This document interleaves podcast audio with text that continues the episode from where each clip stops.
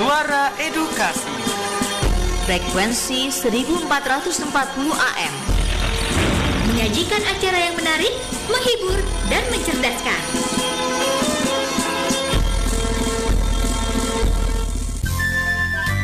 Waktu berputar dan perjalanan peristiwa pun berjalan. Ikuti terus info edukasi, sebuah informasi pendidikan dari Radio Edukasi.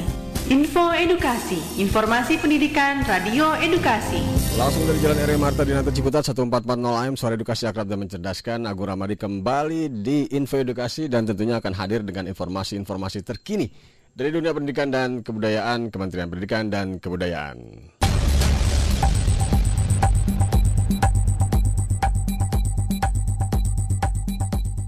Ya, baik, sahabat edukasi informasi yang akan hadir adalah informasi terkait FBK atau juga fasilitas di bidang kebudayaan dan juga ada uh, penganugerahan penghargaan implementasi sakit dan nilai kerja anggaran di tahun anggaran 2020. Lalu ada informasi tentunya terkait program belajar dari rumah di TVRI jadwalnya di minggu ini dan juga ada peresmian ETC Universitas Diponegoro sebagai sinergi kampus dan industri dan tentunya ada juga informasi pelantikan jabatan fungsional Widya Prada di unit pelaksana teknis atau UPT dan analis kebijakan. Dan eh, terakhir akan hadir kunjungan uh, Dirjen Dikti ke UNS. Baik, sahabat edukasi kita langsung saja informasinya. Kita simak informasinya sekarang.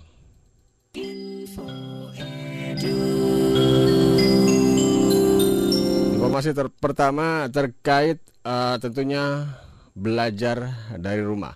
Pembelajaran dari rumah, panduan pembelajaran program belajar dari rumah di TVRI minggu ke-8 tahun 2021 tentunya menjadi bagian sahabat edukasi siswa-siswa terutama di jenjang dasar tingkat SD.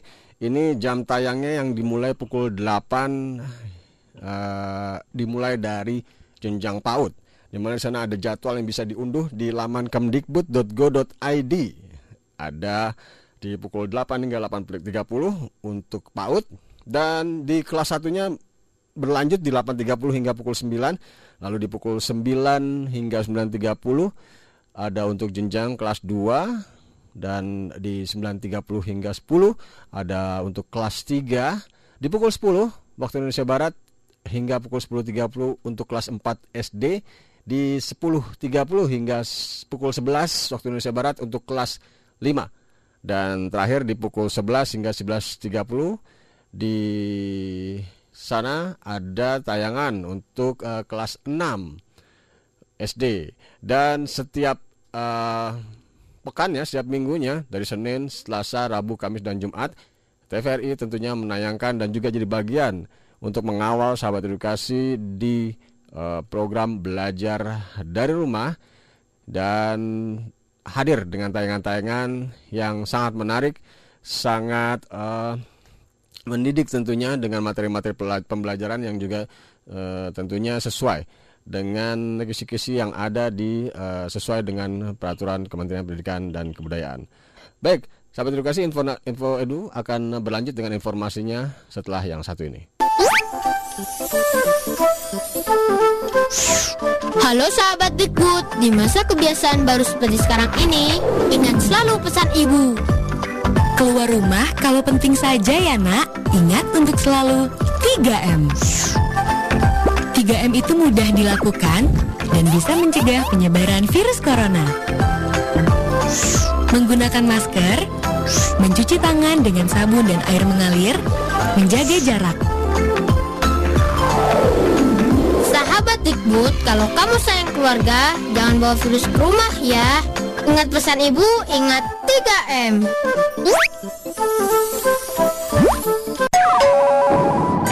Mari mendengar sambil belajar bersama kami di Suara Edukasi.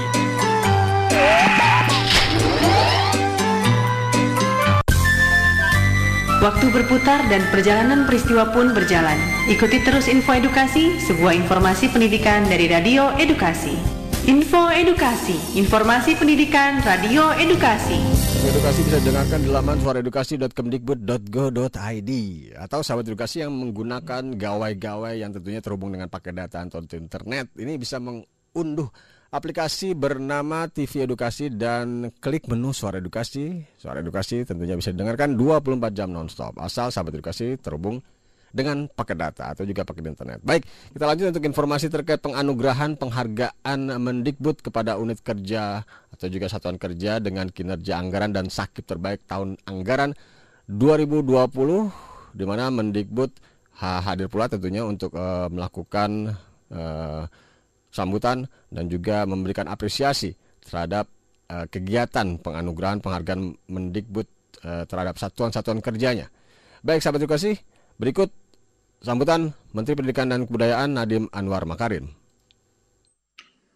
Assalamualaikum warahmatullahi wabarakatuh. Salam sejahtera bagi kita semua. Om Swastiastu, Namo Buddhaya, salam kebajikan, Rahayu. Tata, tata kelola pemerintahan yang baik yang kita terapkan di Kemendikbud.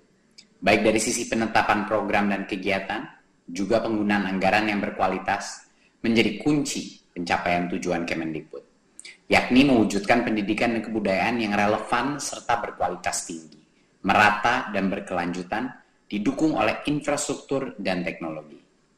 Sistem akuntabilitas kinerja instansi pemerintah, SAKIP, merupakan sistem manajemen kinerja yang diadopsi semua instansi pemerintah untuk memastikan keselarasan antara perencanaan kinerja, pelaksanaan program dan kegiatan, serta pemantauan dan evaluasi dengan tujuan yang ingin dicapai.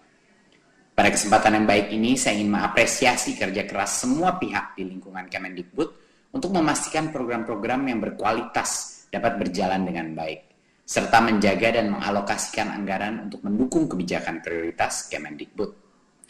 Prestasi yang kita capai di tahun 2020 hendaknya dapat dijadikan pengingat bagi kita semua untuk terus menguatkan sistem tata kelola pendidikan dan kebudayaan yang partisipatif, transparan, dan akuntabel, sebagaimana tertuang dalam dokumen perencanaan strategis kita.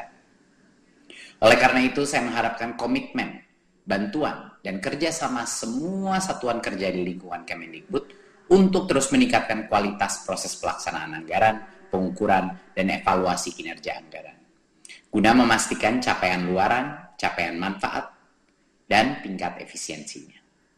Saya berharap seluruh satuan kerja di Kemendikbud dapat terus saling berkoordinasi dan bekerja sama agar kolaborasi kita dengan kementerian dan lembaga terkait dan dunia usaha dan dunia industri atau DUDI semakin menguat.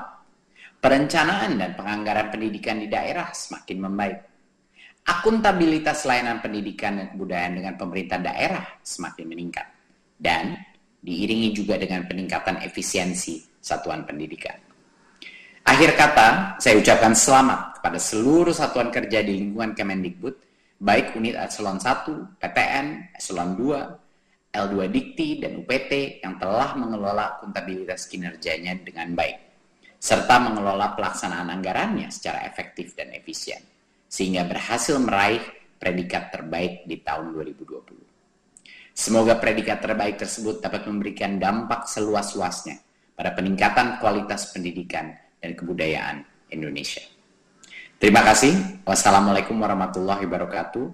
Om Shanti Shanti Shanti Om. Namo Buddhaya penganugerahan penghargaan Mendikbud kepada unit kerja atau juga satuan kerja dengan kinerja anggaran dan sakit terbaik tahun anggaran 2020 dihadiri pula secara daring tentunya oleh Sekretaris Jenderal Kemendikbud Ainun Naim dan Sakip Sistem Akuntabilitas Kinerja Instansi Pemerintah uh, tentunya menjadi harapan dari apa yang sudah disebutkan oleh Mendikbud untuk bisa untuk dapat terus berkoordinasi dengan dan juga bekerja sama antar unit hingga tercapainya uh, pembangunan dunia pendidikan dan kebudayaan. Baik, info edukasi akan hadir lagi dengan informasi-informasi lainnya. Jangan ke mana-mana, suara edukasi akan kembali setelah yang satu ini. Ah, loh loh, sial, sial. Kenapa kamu pucat pasi dan marah-marah gitu sih? Sebelum aku sampai ke sini, aku tuh kena tilang. Ya, sahabat edukasi, mungkin sahabat edukasi Eh, juga sebentar, ingin sebentar. tahu bagaimana caranya membuat Hmm, SIM. loh, Nah, ini terus. malah ada acara Suara pembuatan SIM. Acara apa nih? Tahu. Kita perlu tahu. Oh, ini acara kita perlu tahu. Isinya tentang pengetahuan-pengetahuan umum gitu deh. Kita Iya, tahu. coba aku dengarkan ini dulu. Pasti dari kemarin ku urus SIMku. Kita perlu tahu program acara dari Suara Edukasi tentang apa yang sepatutnya kita ketahui. Berisikan tentang berbagai pengetahuan dari belum mengerti akhirnya jadi tahu.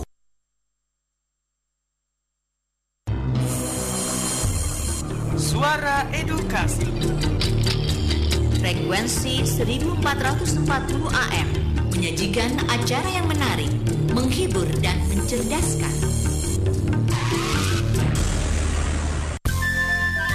Waktu berputar dan perjalanan peristiwa pun berjalan.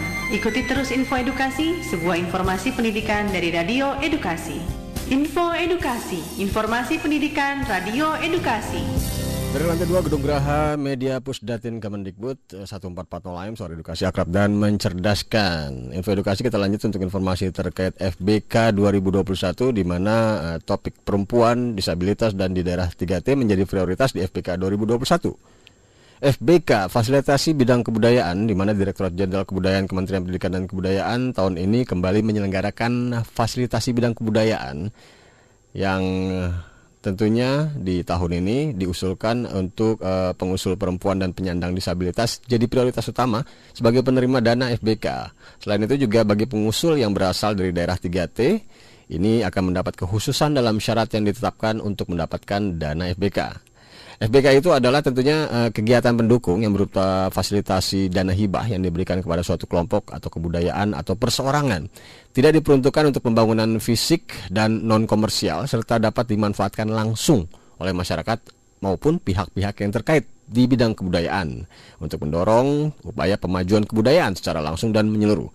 Dengan peluncuran FBK titik ID di sana sahabat edukasi yang juga tentunya tertarik untuk uh, mendapatkan atau juga berpartisipasi di bidang kebudayaan ini bisa membuka laman tadi di mana syarat-syarat dan juga ketentuan yang berlangsung untuk FBK di 2000-2021 bisa diikuti di sana.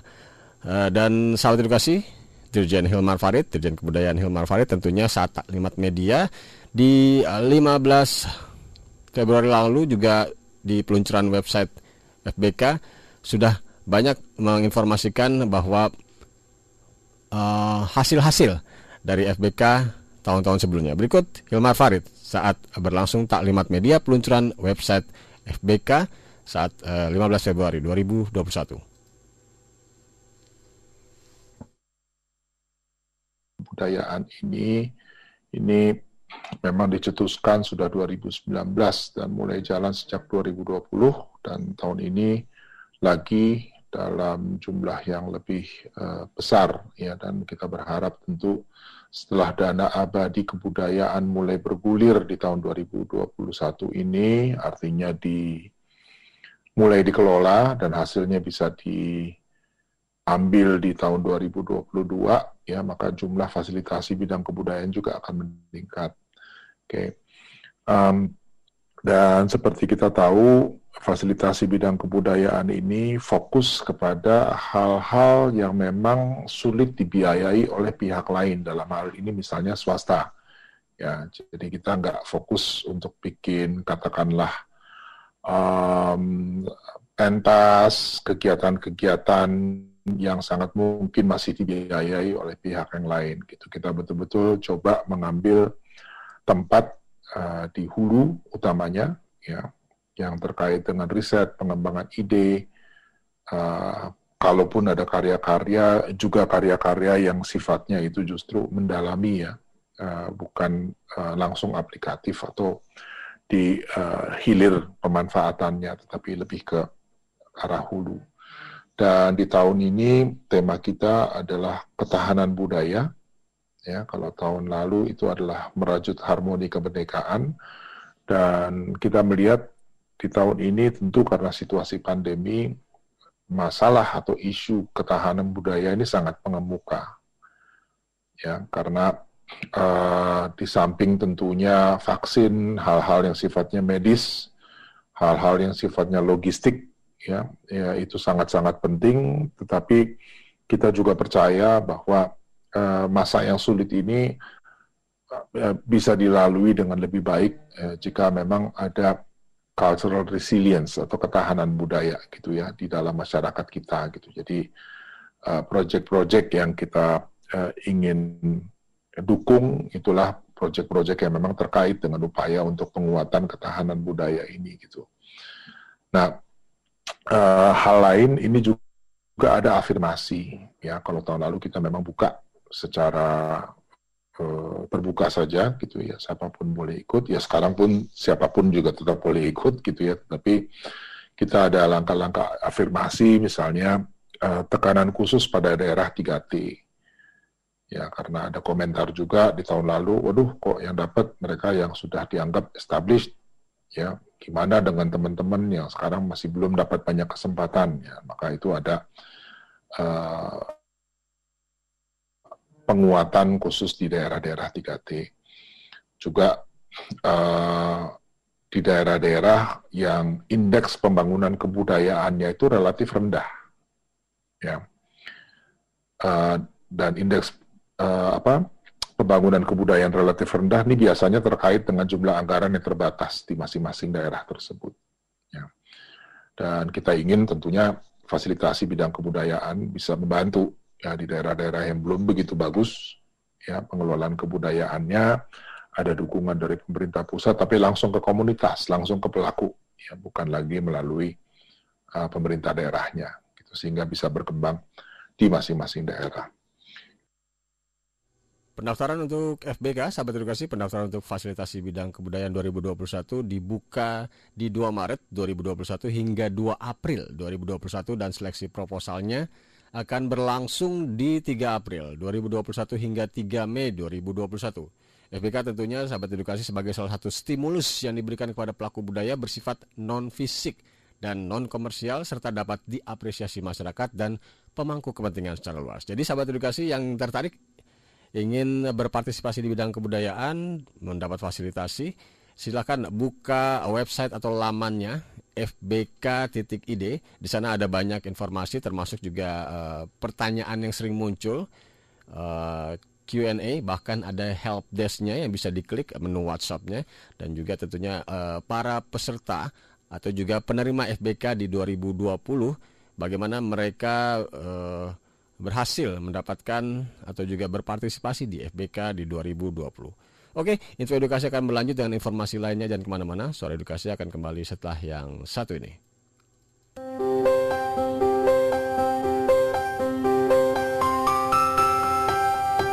Untuk anak-anak yang sekolahnya sudah diizinkan dibuka, ada panduan seru belajar kebiasaan baru yang harus diikuti ya ayah bunda, agar terhindar dari penularan COVID-19. Pastikan kondisi lahir dan batin anak dalam keadaan sehat. Baju yang dipakai haruslah dalam kondisi bersih. Anak harus sudah sarapan dan bawa bekal makanan sehat. Ingatkan anak supaya tidak pinjam-meminjam perlengkapan pribadi. Jangan lupa maskernya ya. Ini? Terima kasih, Bunda. Ingatkan anak untuk cuci tangan pakai sabun setelah menggunakan transportasi publik atau antar jemput. Hindari menyentuh permukaan benda-benda, serta jaga etika batuk dan bersin selama di jalan. Jaga jarak aman di perjalanan. Jaga jarak, jaga jarak, jangan sampai virus menyala. Nah, yang pakai ojek online, sebaiknya bawa helm sendiri ya.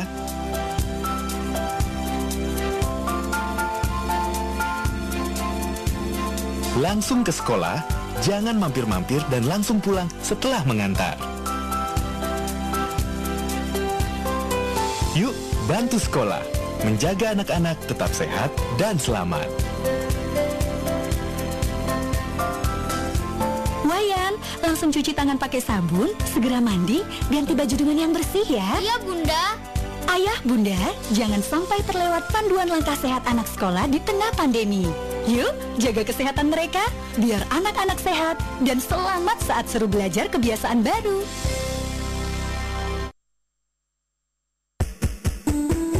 Suara Edukasi Suara Edukasi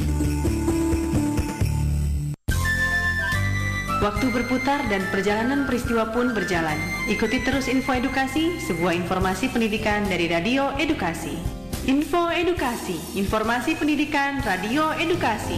Aku Ramari masih mengawal info edukasi yang tentunya hanya di suara edukasi, akrab dan mencerdaskan. Oke kita lanjut untuk informasi eh, peresmian ETC Universitas Diponegoro Undip sebagai bentuk sinergi kampus dan industri untuk menyiapkan lulusan yang unggul.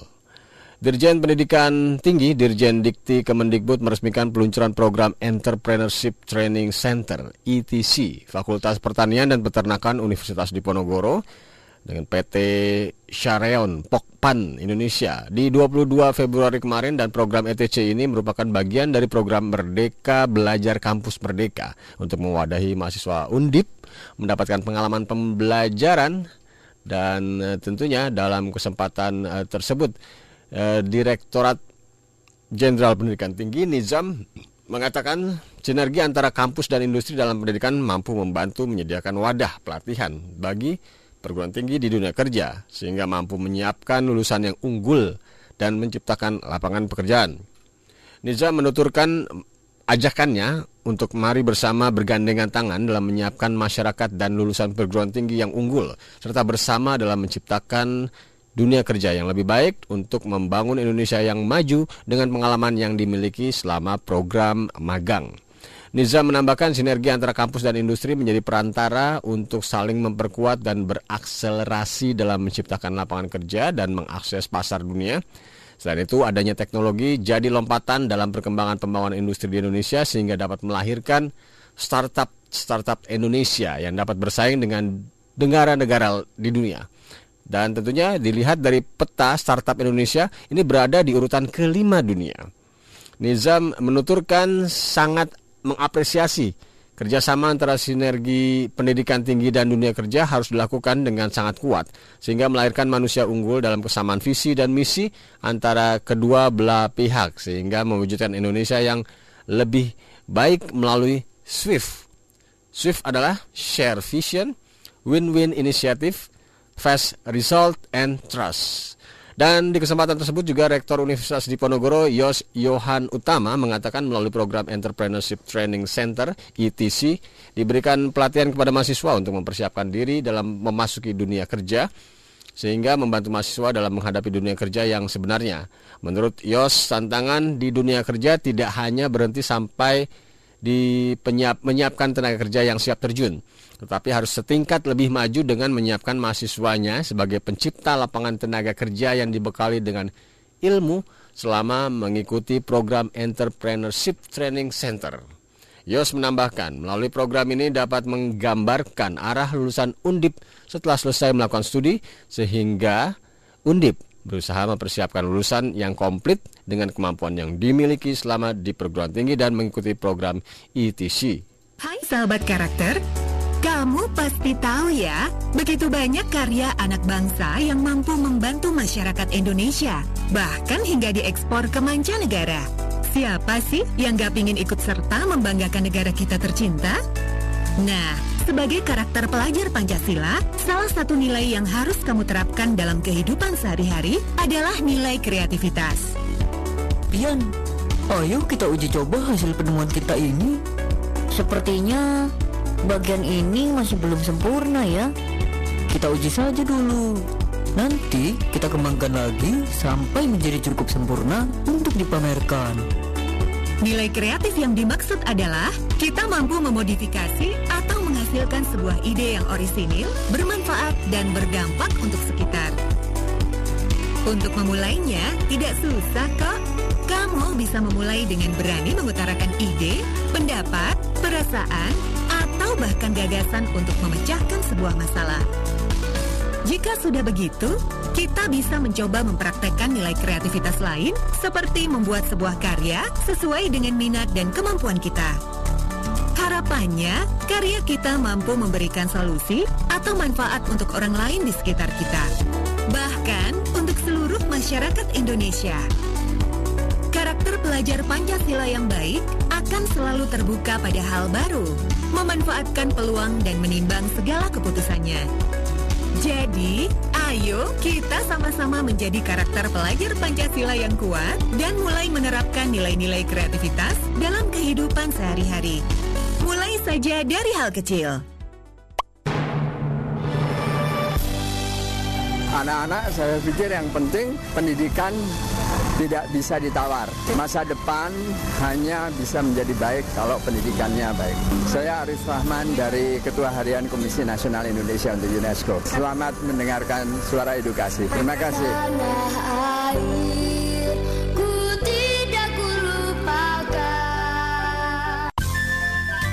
Waktu berputar dan perjalanan peristiwa pun berjalan. Ikuti terus info edukasi, sebuah informasi pendidikan dari Radio Edukasi. Info Edukasi, informasi pendidikan Radio Edukasi. Informasi selanjutnya di Info Edukasi tentunya terkait pelantikan jabatan fungsional Widya Prada, Unit Pelaksana Teknis dan Analis Kebijakan serta Pengembang Teknologi Pembelajaran atau PTP yang digelar secara daring dan luring di kantor Kemendikbud eh, Cipete pada 18 Februari lalu di mana tentunya eh, pentingnya kemampuan adaptasi terhadap tantangan organisasi ini sesuai dengan peraturan Menteri Pendidikan dan Kebudayaan Permendikbud nomor 45 tahun 2019 tentang organisasi dan tata kerja Kemendikbud serta perubahannya mengamanatkan pengintegrasian penanganan urusan pendidikan anak usia dini, pendidikan dasar, dan pendidikan menengah dalam satu direktorat jenderal, yaitu Ditjen PAUD Dikdas Dikmen. Hal ini berdampak pada pengintegrasian dua UPT di daerah yang membantu melaksanakan tugas operasional bidang PAUD dan Dikdasmen ke dalam satu UPT yang disebut Balai Besar Peningkatan Mutu Pendidikan atau BBPMP. Direktur Jenderal Pendidikan Anak Usia Dini, Pendidikan Dasar dan Pendidikan Menengah atau Dirjen PAUD Dikdas dan Dikmen, Kemendikbud, Jumeri mengatakan saat pelantikan Perubahan dalam organisasi adalah hal biasa, demikian pula dengan perubahan jabatan, merupakan hal yang sangat lumrah dalam organisasi pemerintahan. Hal terpenting untuk uh, kita siapkan adalah kemampuan kita untuk beradaptasi dalam menghadap, menghadapi segala bentuk perubahan tersebut.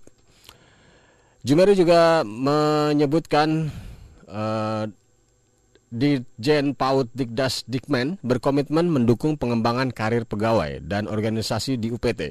Salah satunya adalah dengan melantik pejabat fungsional sebagai upaya antisipasi perubahan dan pengembangan organisasi.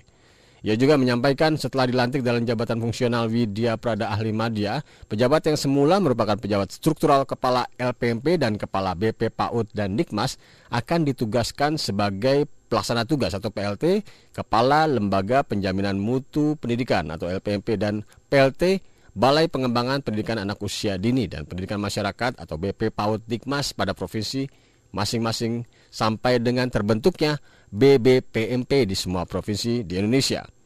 Di kesempatan yang sama tentunya Jumeri menginstruksikan agar pejabat yang secara administrasi telah memenuhi persyaratan agar ikut mendaftar dan bertarung dalam tanda kutip tentunya di seleksi terbuka atau open bidding untuk jabatan kepala BBPMP termasuk untuk mempersiapkan diri baik dari segi substansi maupun mental. Dan Jumeri optimis dengan bekal pengalaman uh, saudara-saudara yang dilantik sebagai kepala UPT sebelumnya Diyakini tentu peluang dan kesempatan untuk terpilih menjadi kepala BBPMP sangat terbuka. Dan tentunya ajakannya adalah mari menunjukkan pada semua orang bahwa mantan kepala LPMP, mantan kepala BP PAUD sangat siap untuk menghadapi perubahan, tantangan, dan tugas seberat apa pun.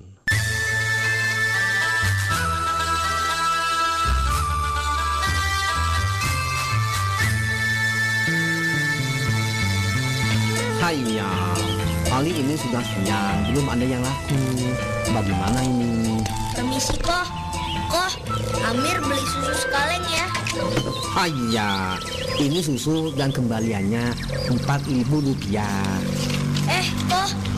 Kok kembaliannya lebih seribu? Ini kok Amir kembalikan. Hayya, makasih. Kejujuran adalah sikap tidak mendustai dirinya sendiri. Bila mana kejujuran mendiami jiwa kita, maka kita akan memegang teguh mana yang hak dan mana yang bukan hak. Dengan kejujuran, kita akan menjadi manusia yang seutuhnya.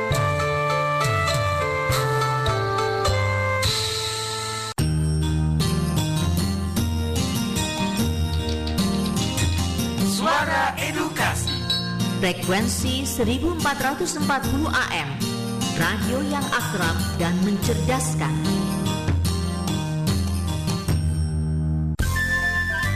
Waktu berputar dan perjalanan peristiwa pun berjalan.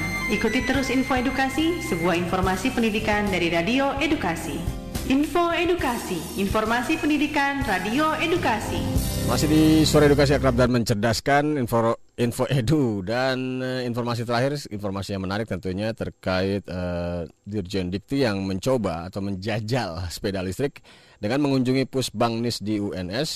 Nizam, Direktur Jenderal Pendidikan Tinggi ini mengunjungi Pusat Pengembangan Bisnis atau Pusbangnis Universitas 11 Maret untuk menyaksik, menyaksik, menyaksikan proses produksi baterai lithium di unit produksi baterai lithium UNS pada 18 Februari lalu dan di kesempatan ini Nizam mendapatkan penjelasan terkait proses penelitian, pengembangan dan produksi baterai lithium dari peneliti senior di UNS Agus Purwanto.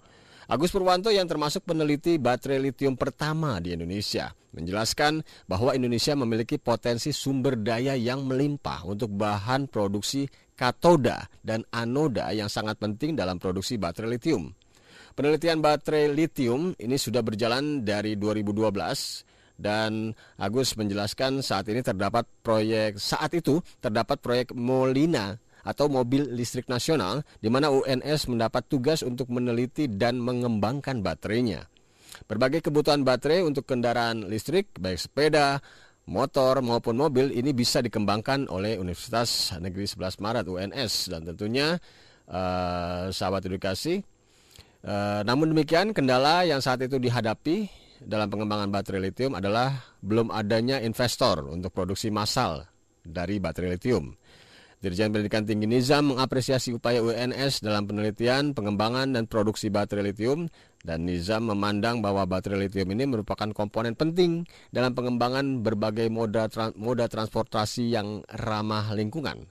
Dan untuk menanggapi permasalahan hilirisasi produk baterai lithium, Nizam menyarankan Agus untuk memanfaatkan berbagai fasilitas pendanaan maupun platform-platform yang disediakan oleh Kemendikbud untuk pengembangan maupun hilirisasi produk-produk reka cipta uh, perguruan tinggi. Nizam menjelaskan Kemendikbud menyediakan platform seperti kedai reka untuk mempertemukan hasil-hasil reka cipta perguruan tinggi dengan investor dari industri. Selain itu ada juga matching fund yang dapat digunakan sebagai dana pendamping pengembangan reka cipta. Dan fasilitas-fasilitas ini silakan diakses dan digunakan. Baik, Sahabat edukasi, informasi tadi uh, menutup kebersamaan kita di Info Edukasi hari ini. Selain ada program lain yang juga menarik untuk tetap disimak, untuk tetap didengarkan, menemani sahabat edukasi di masa pandemi ini. Dan keep safe, tetap jaga protokol kesehatan dan salam sehat. Wassalamualaikum warahmatullahi wabarakatuh. Bye-bye.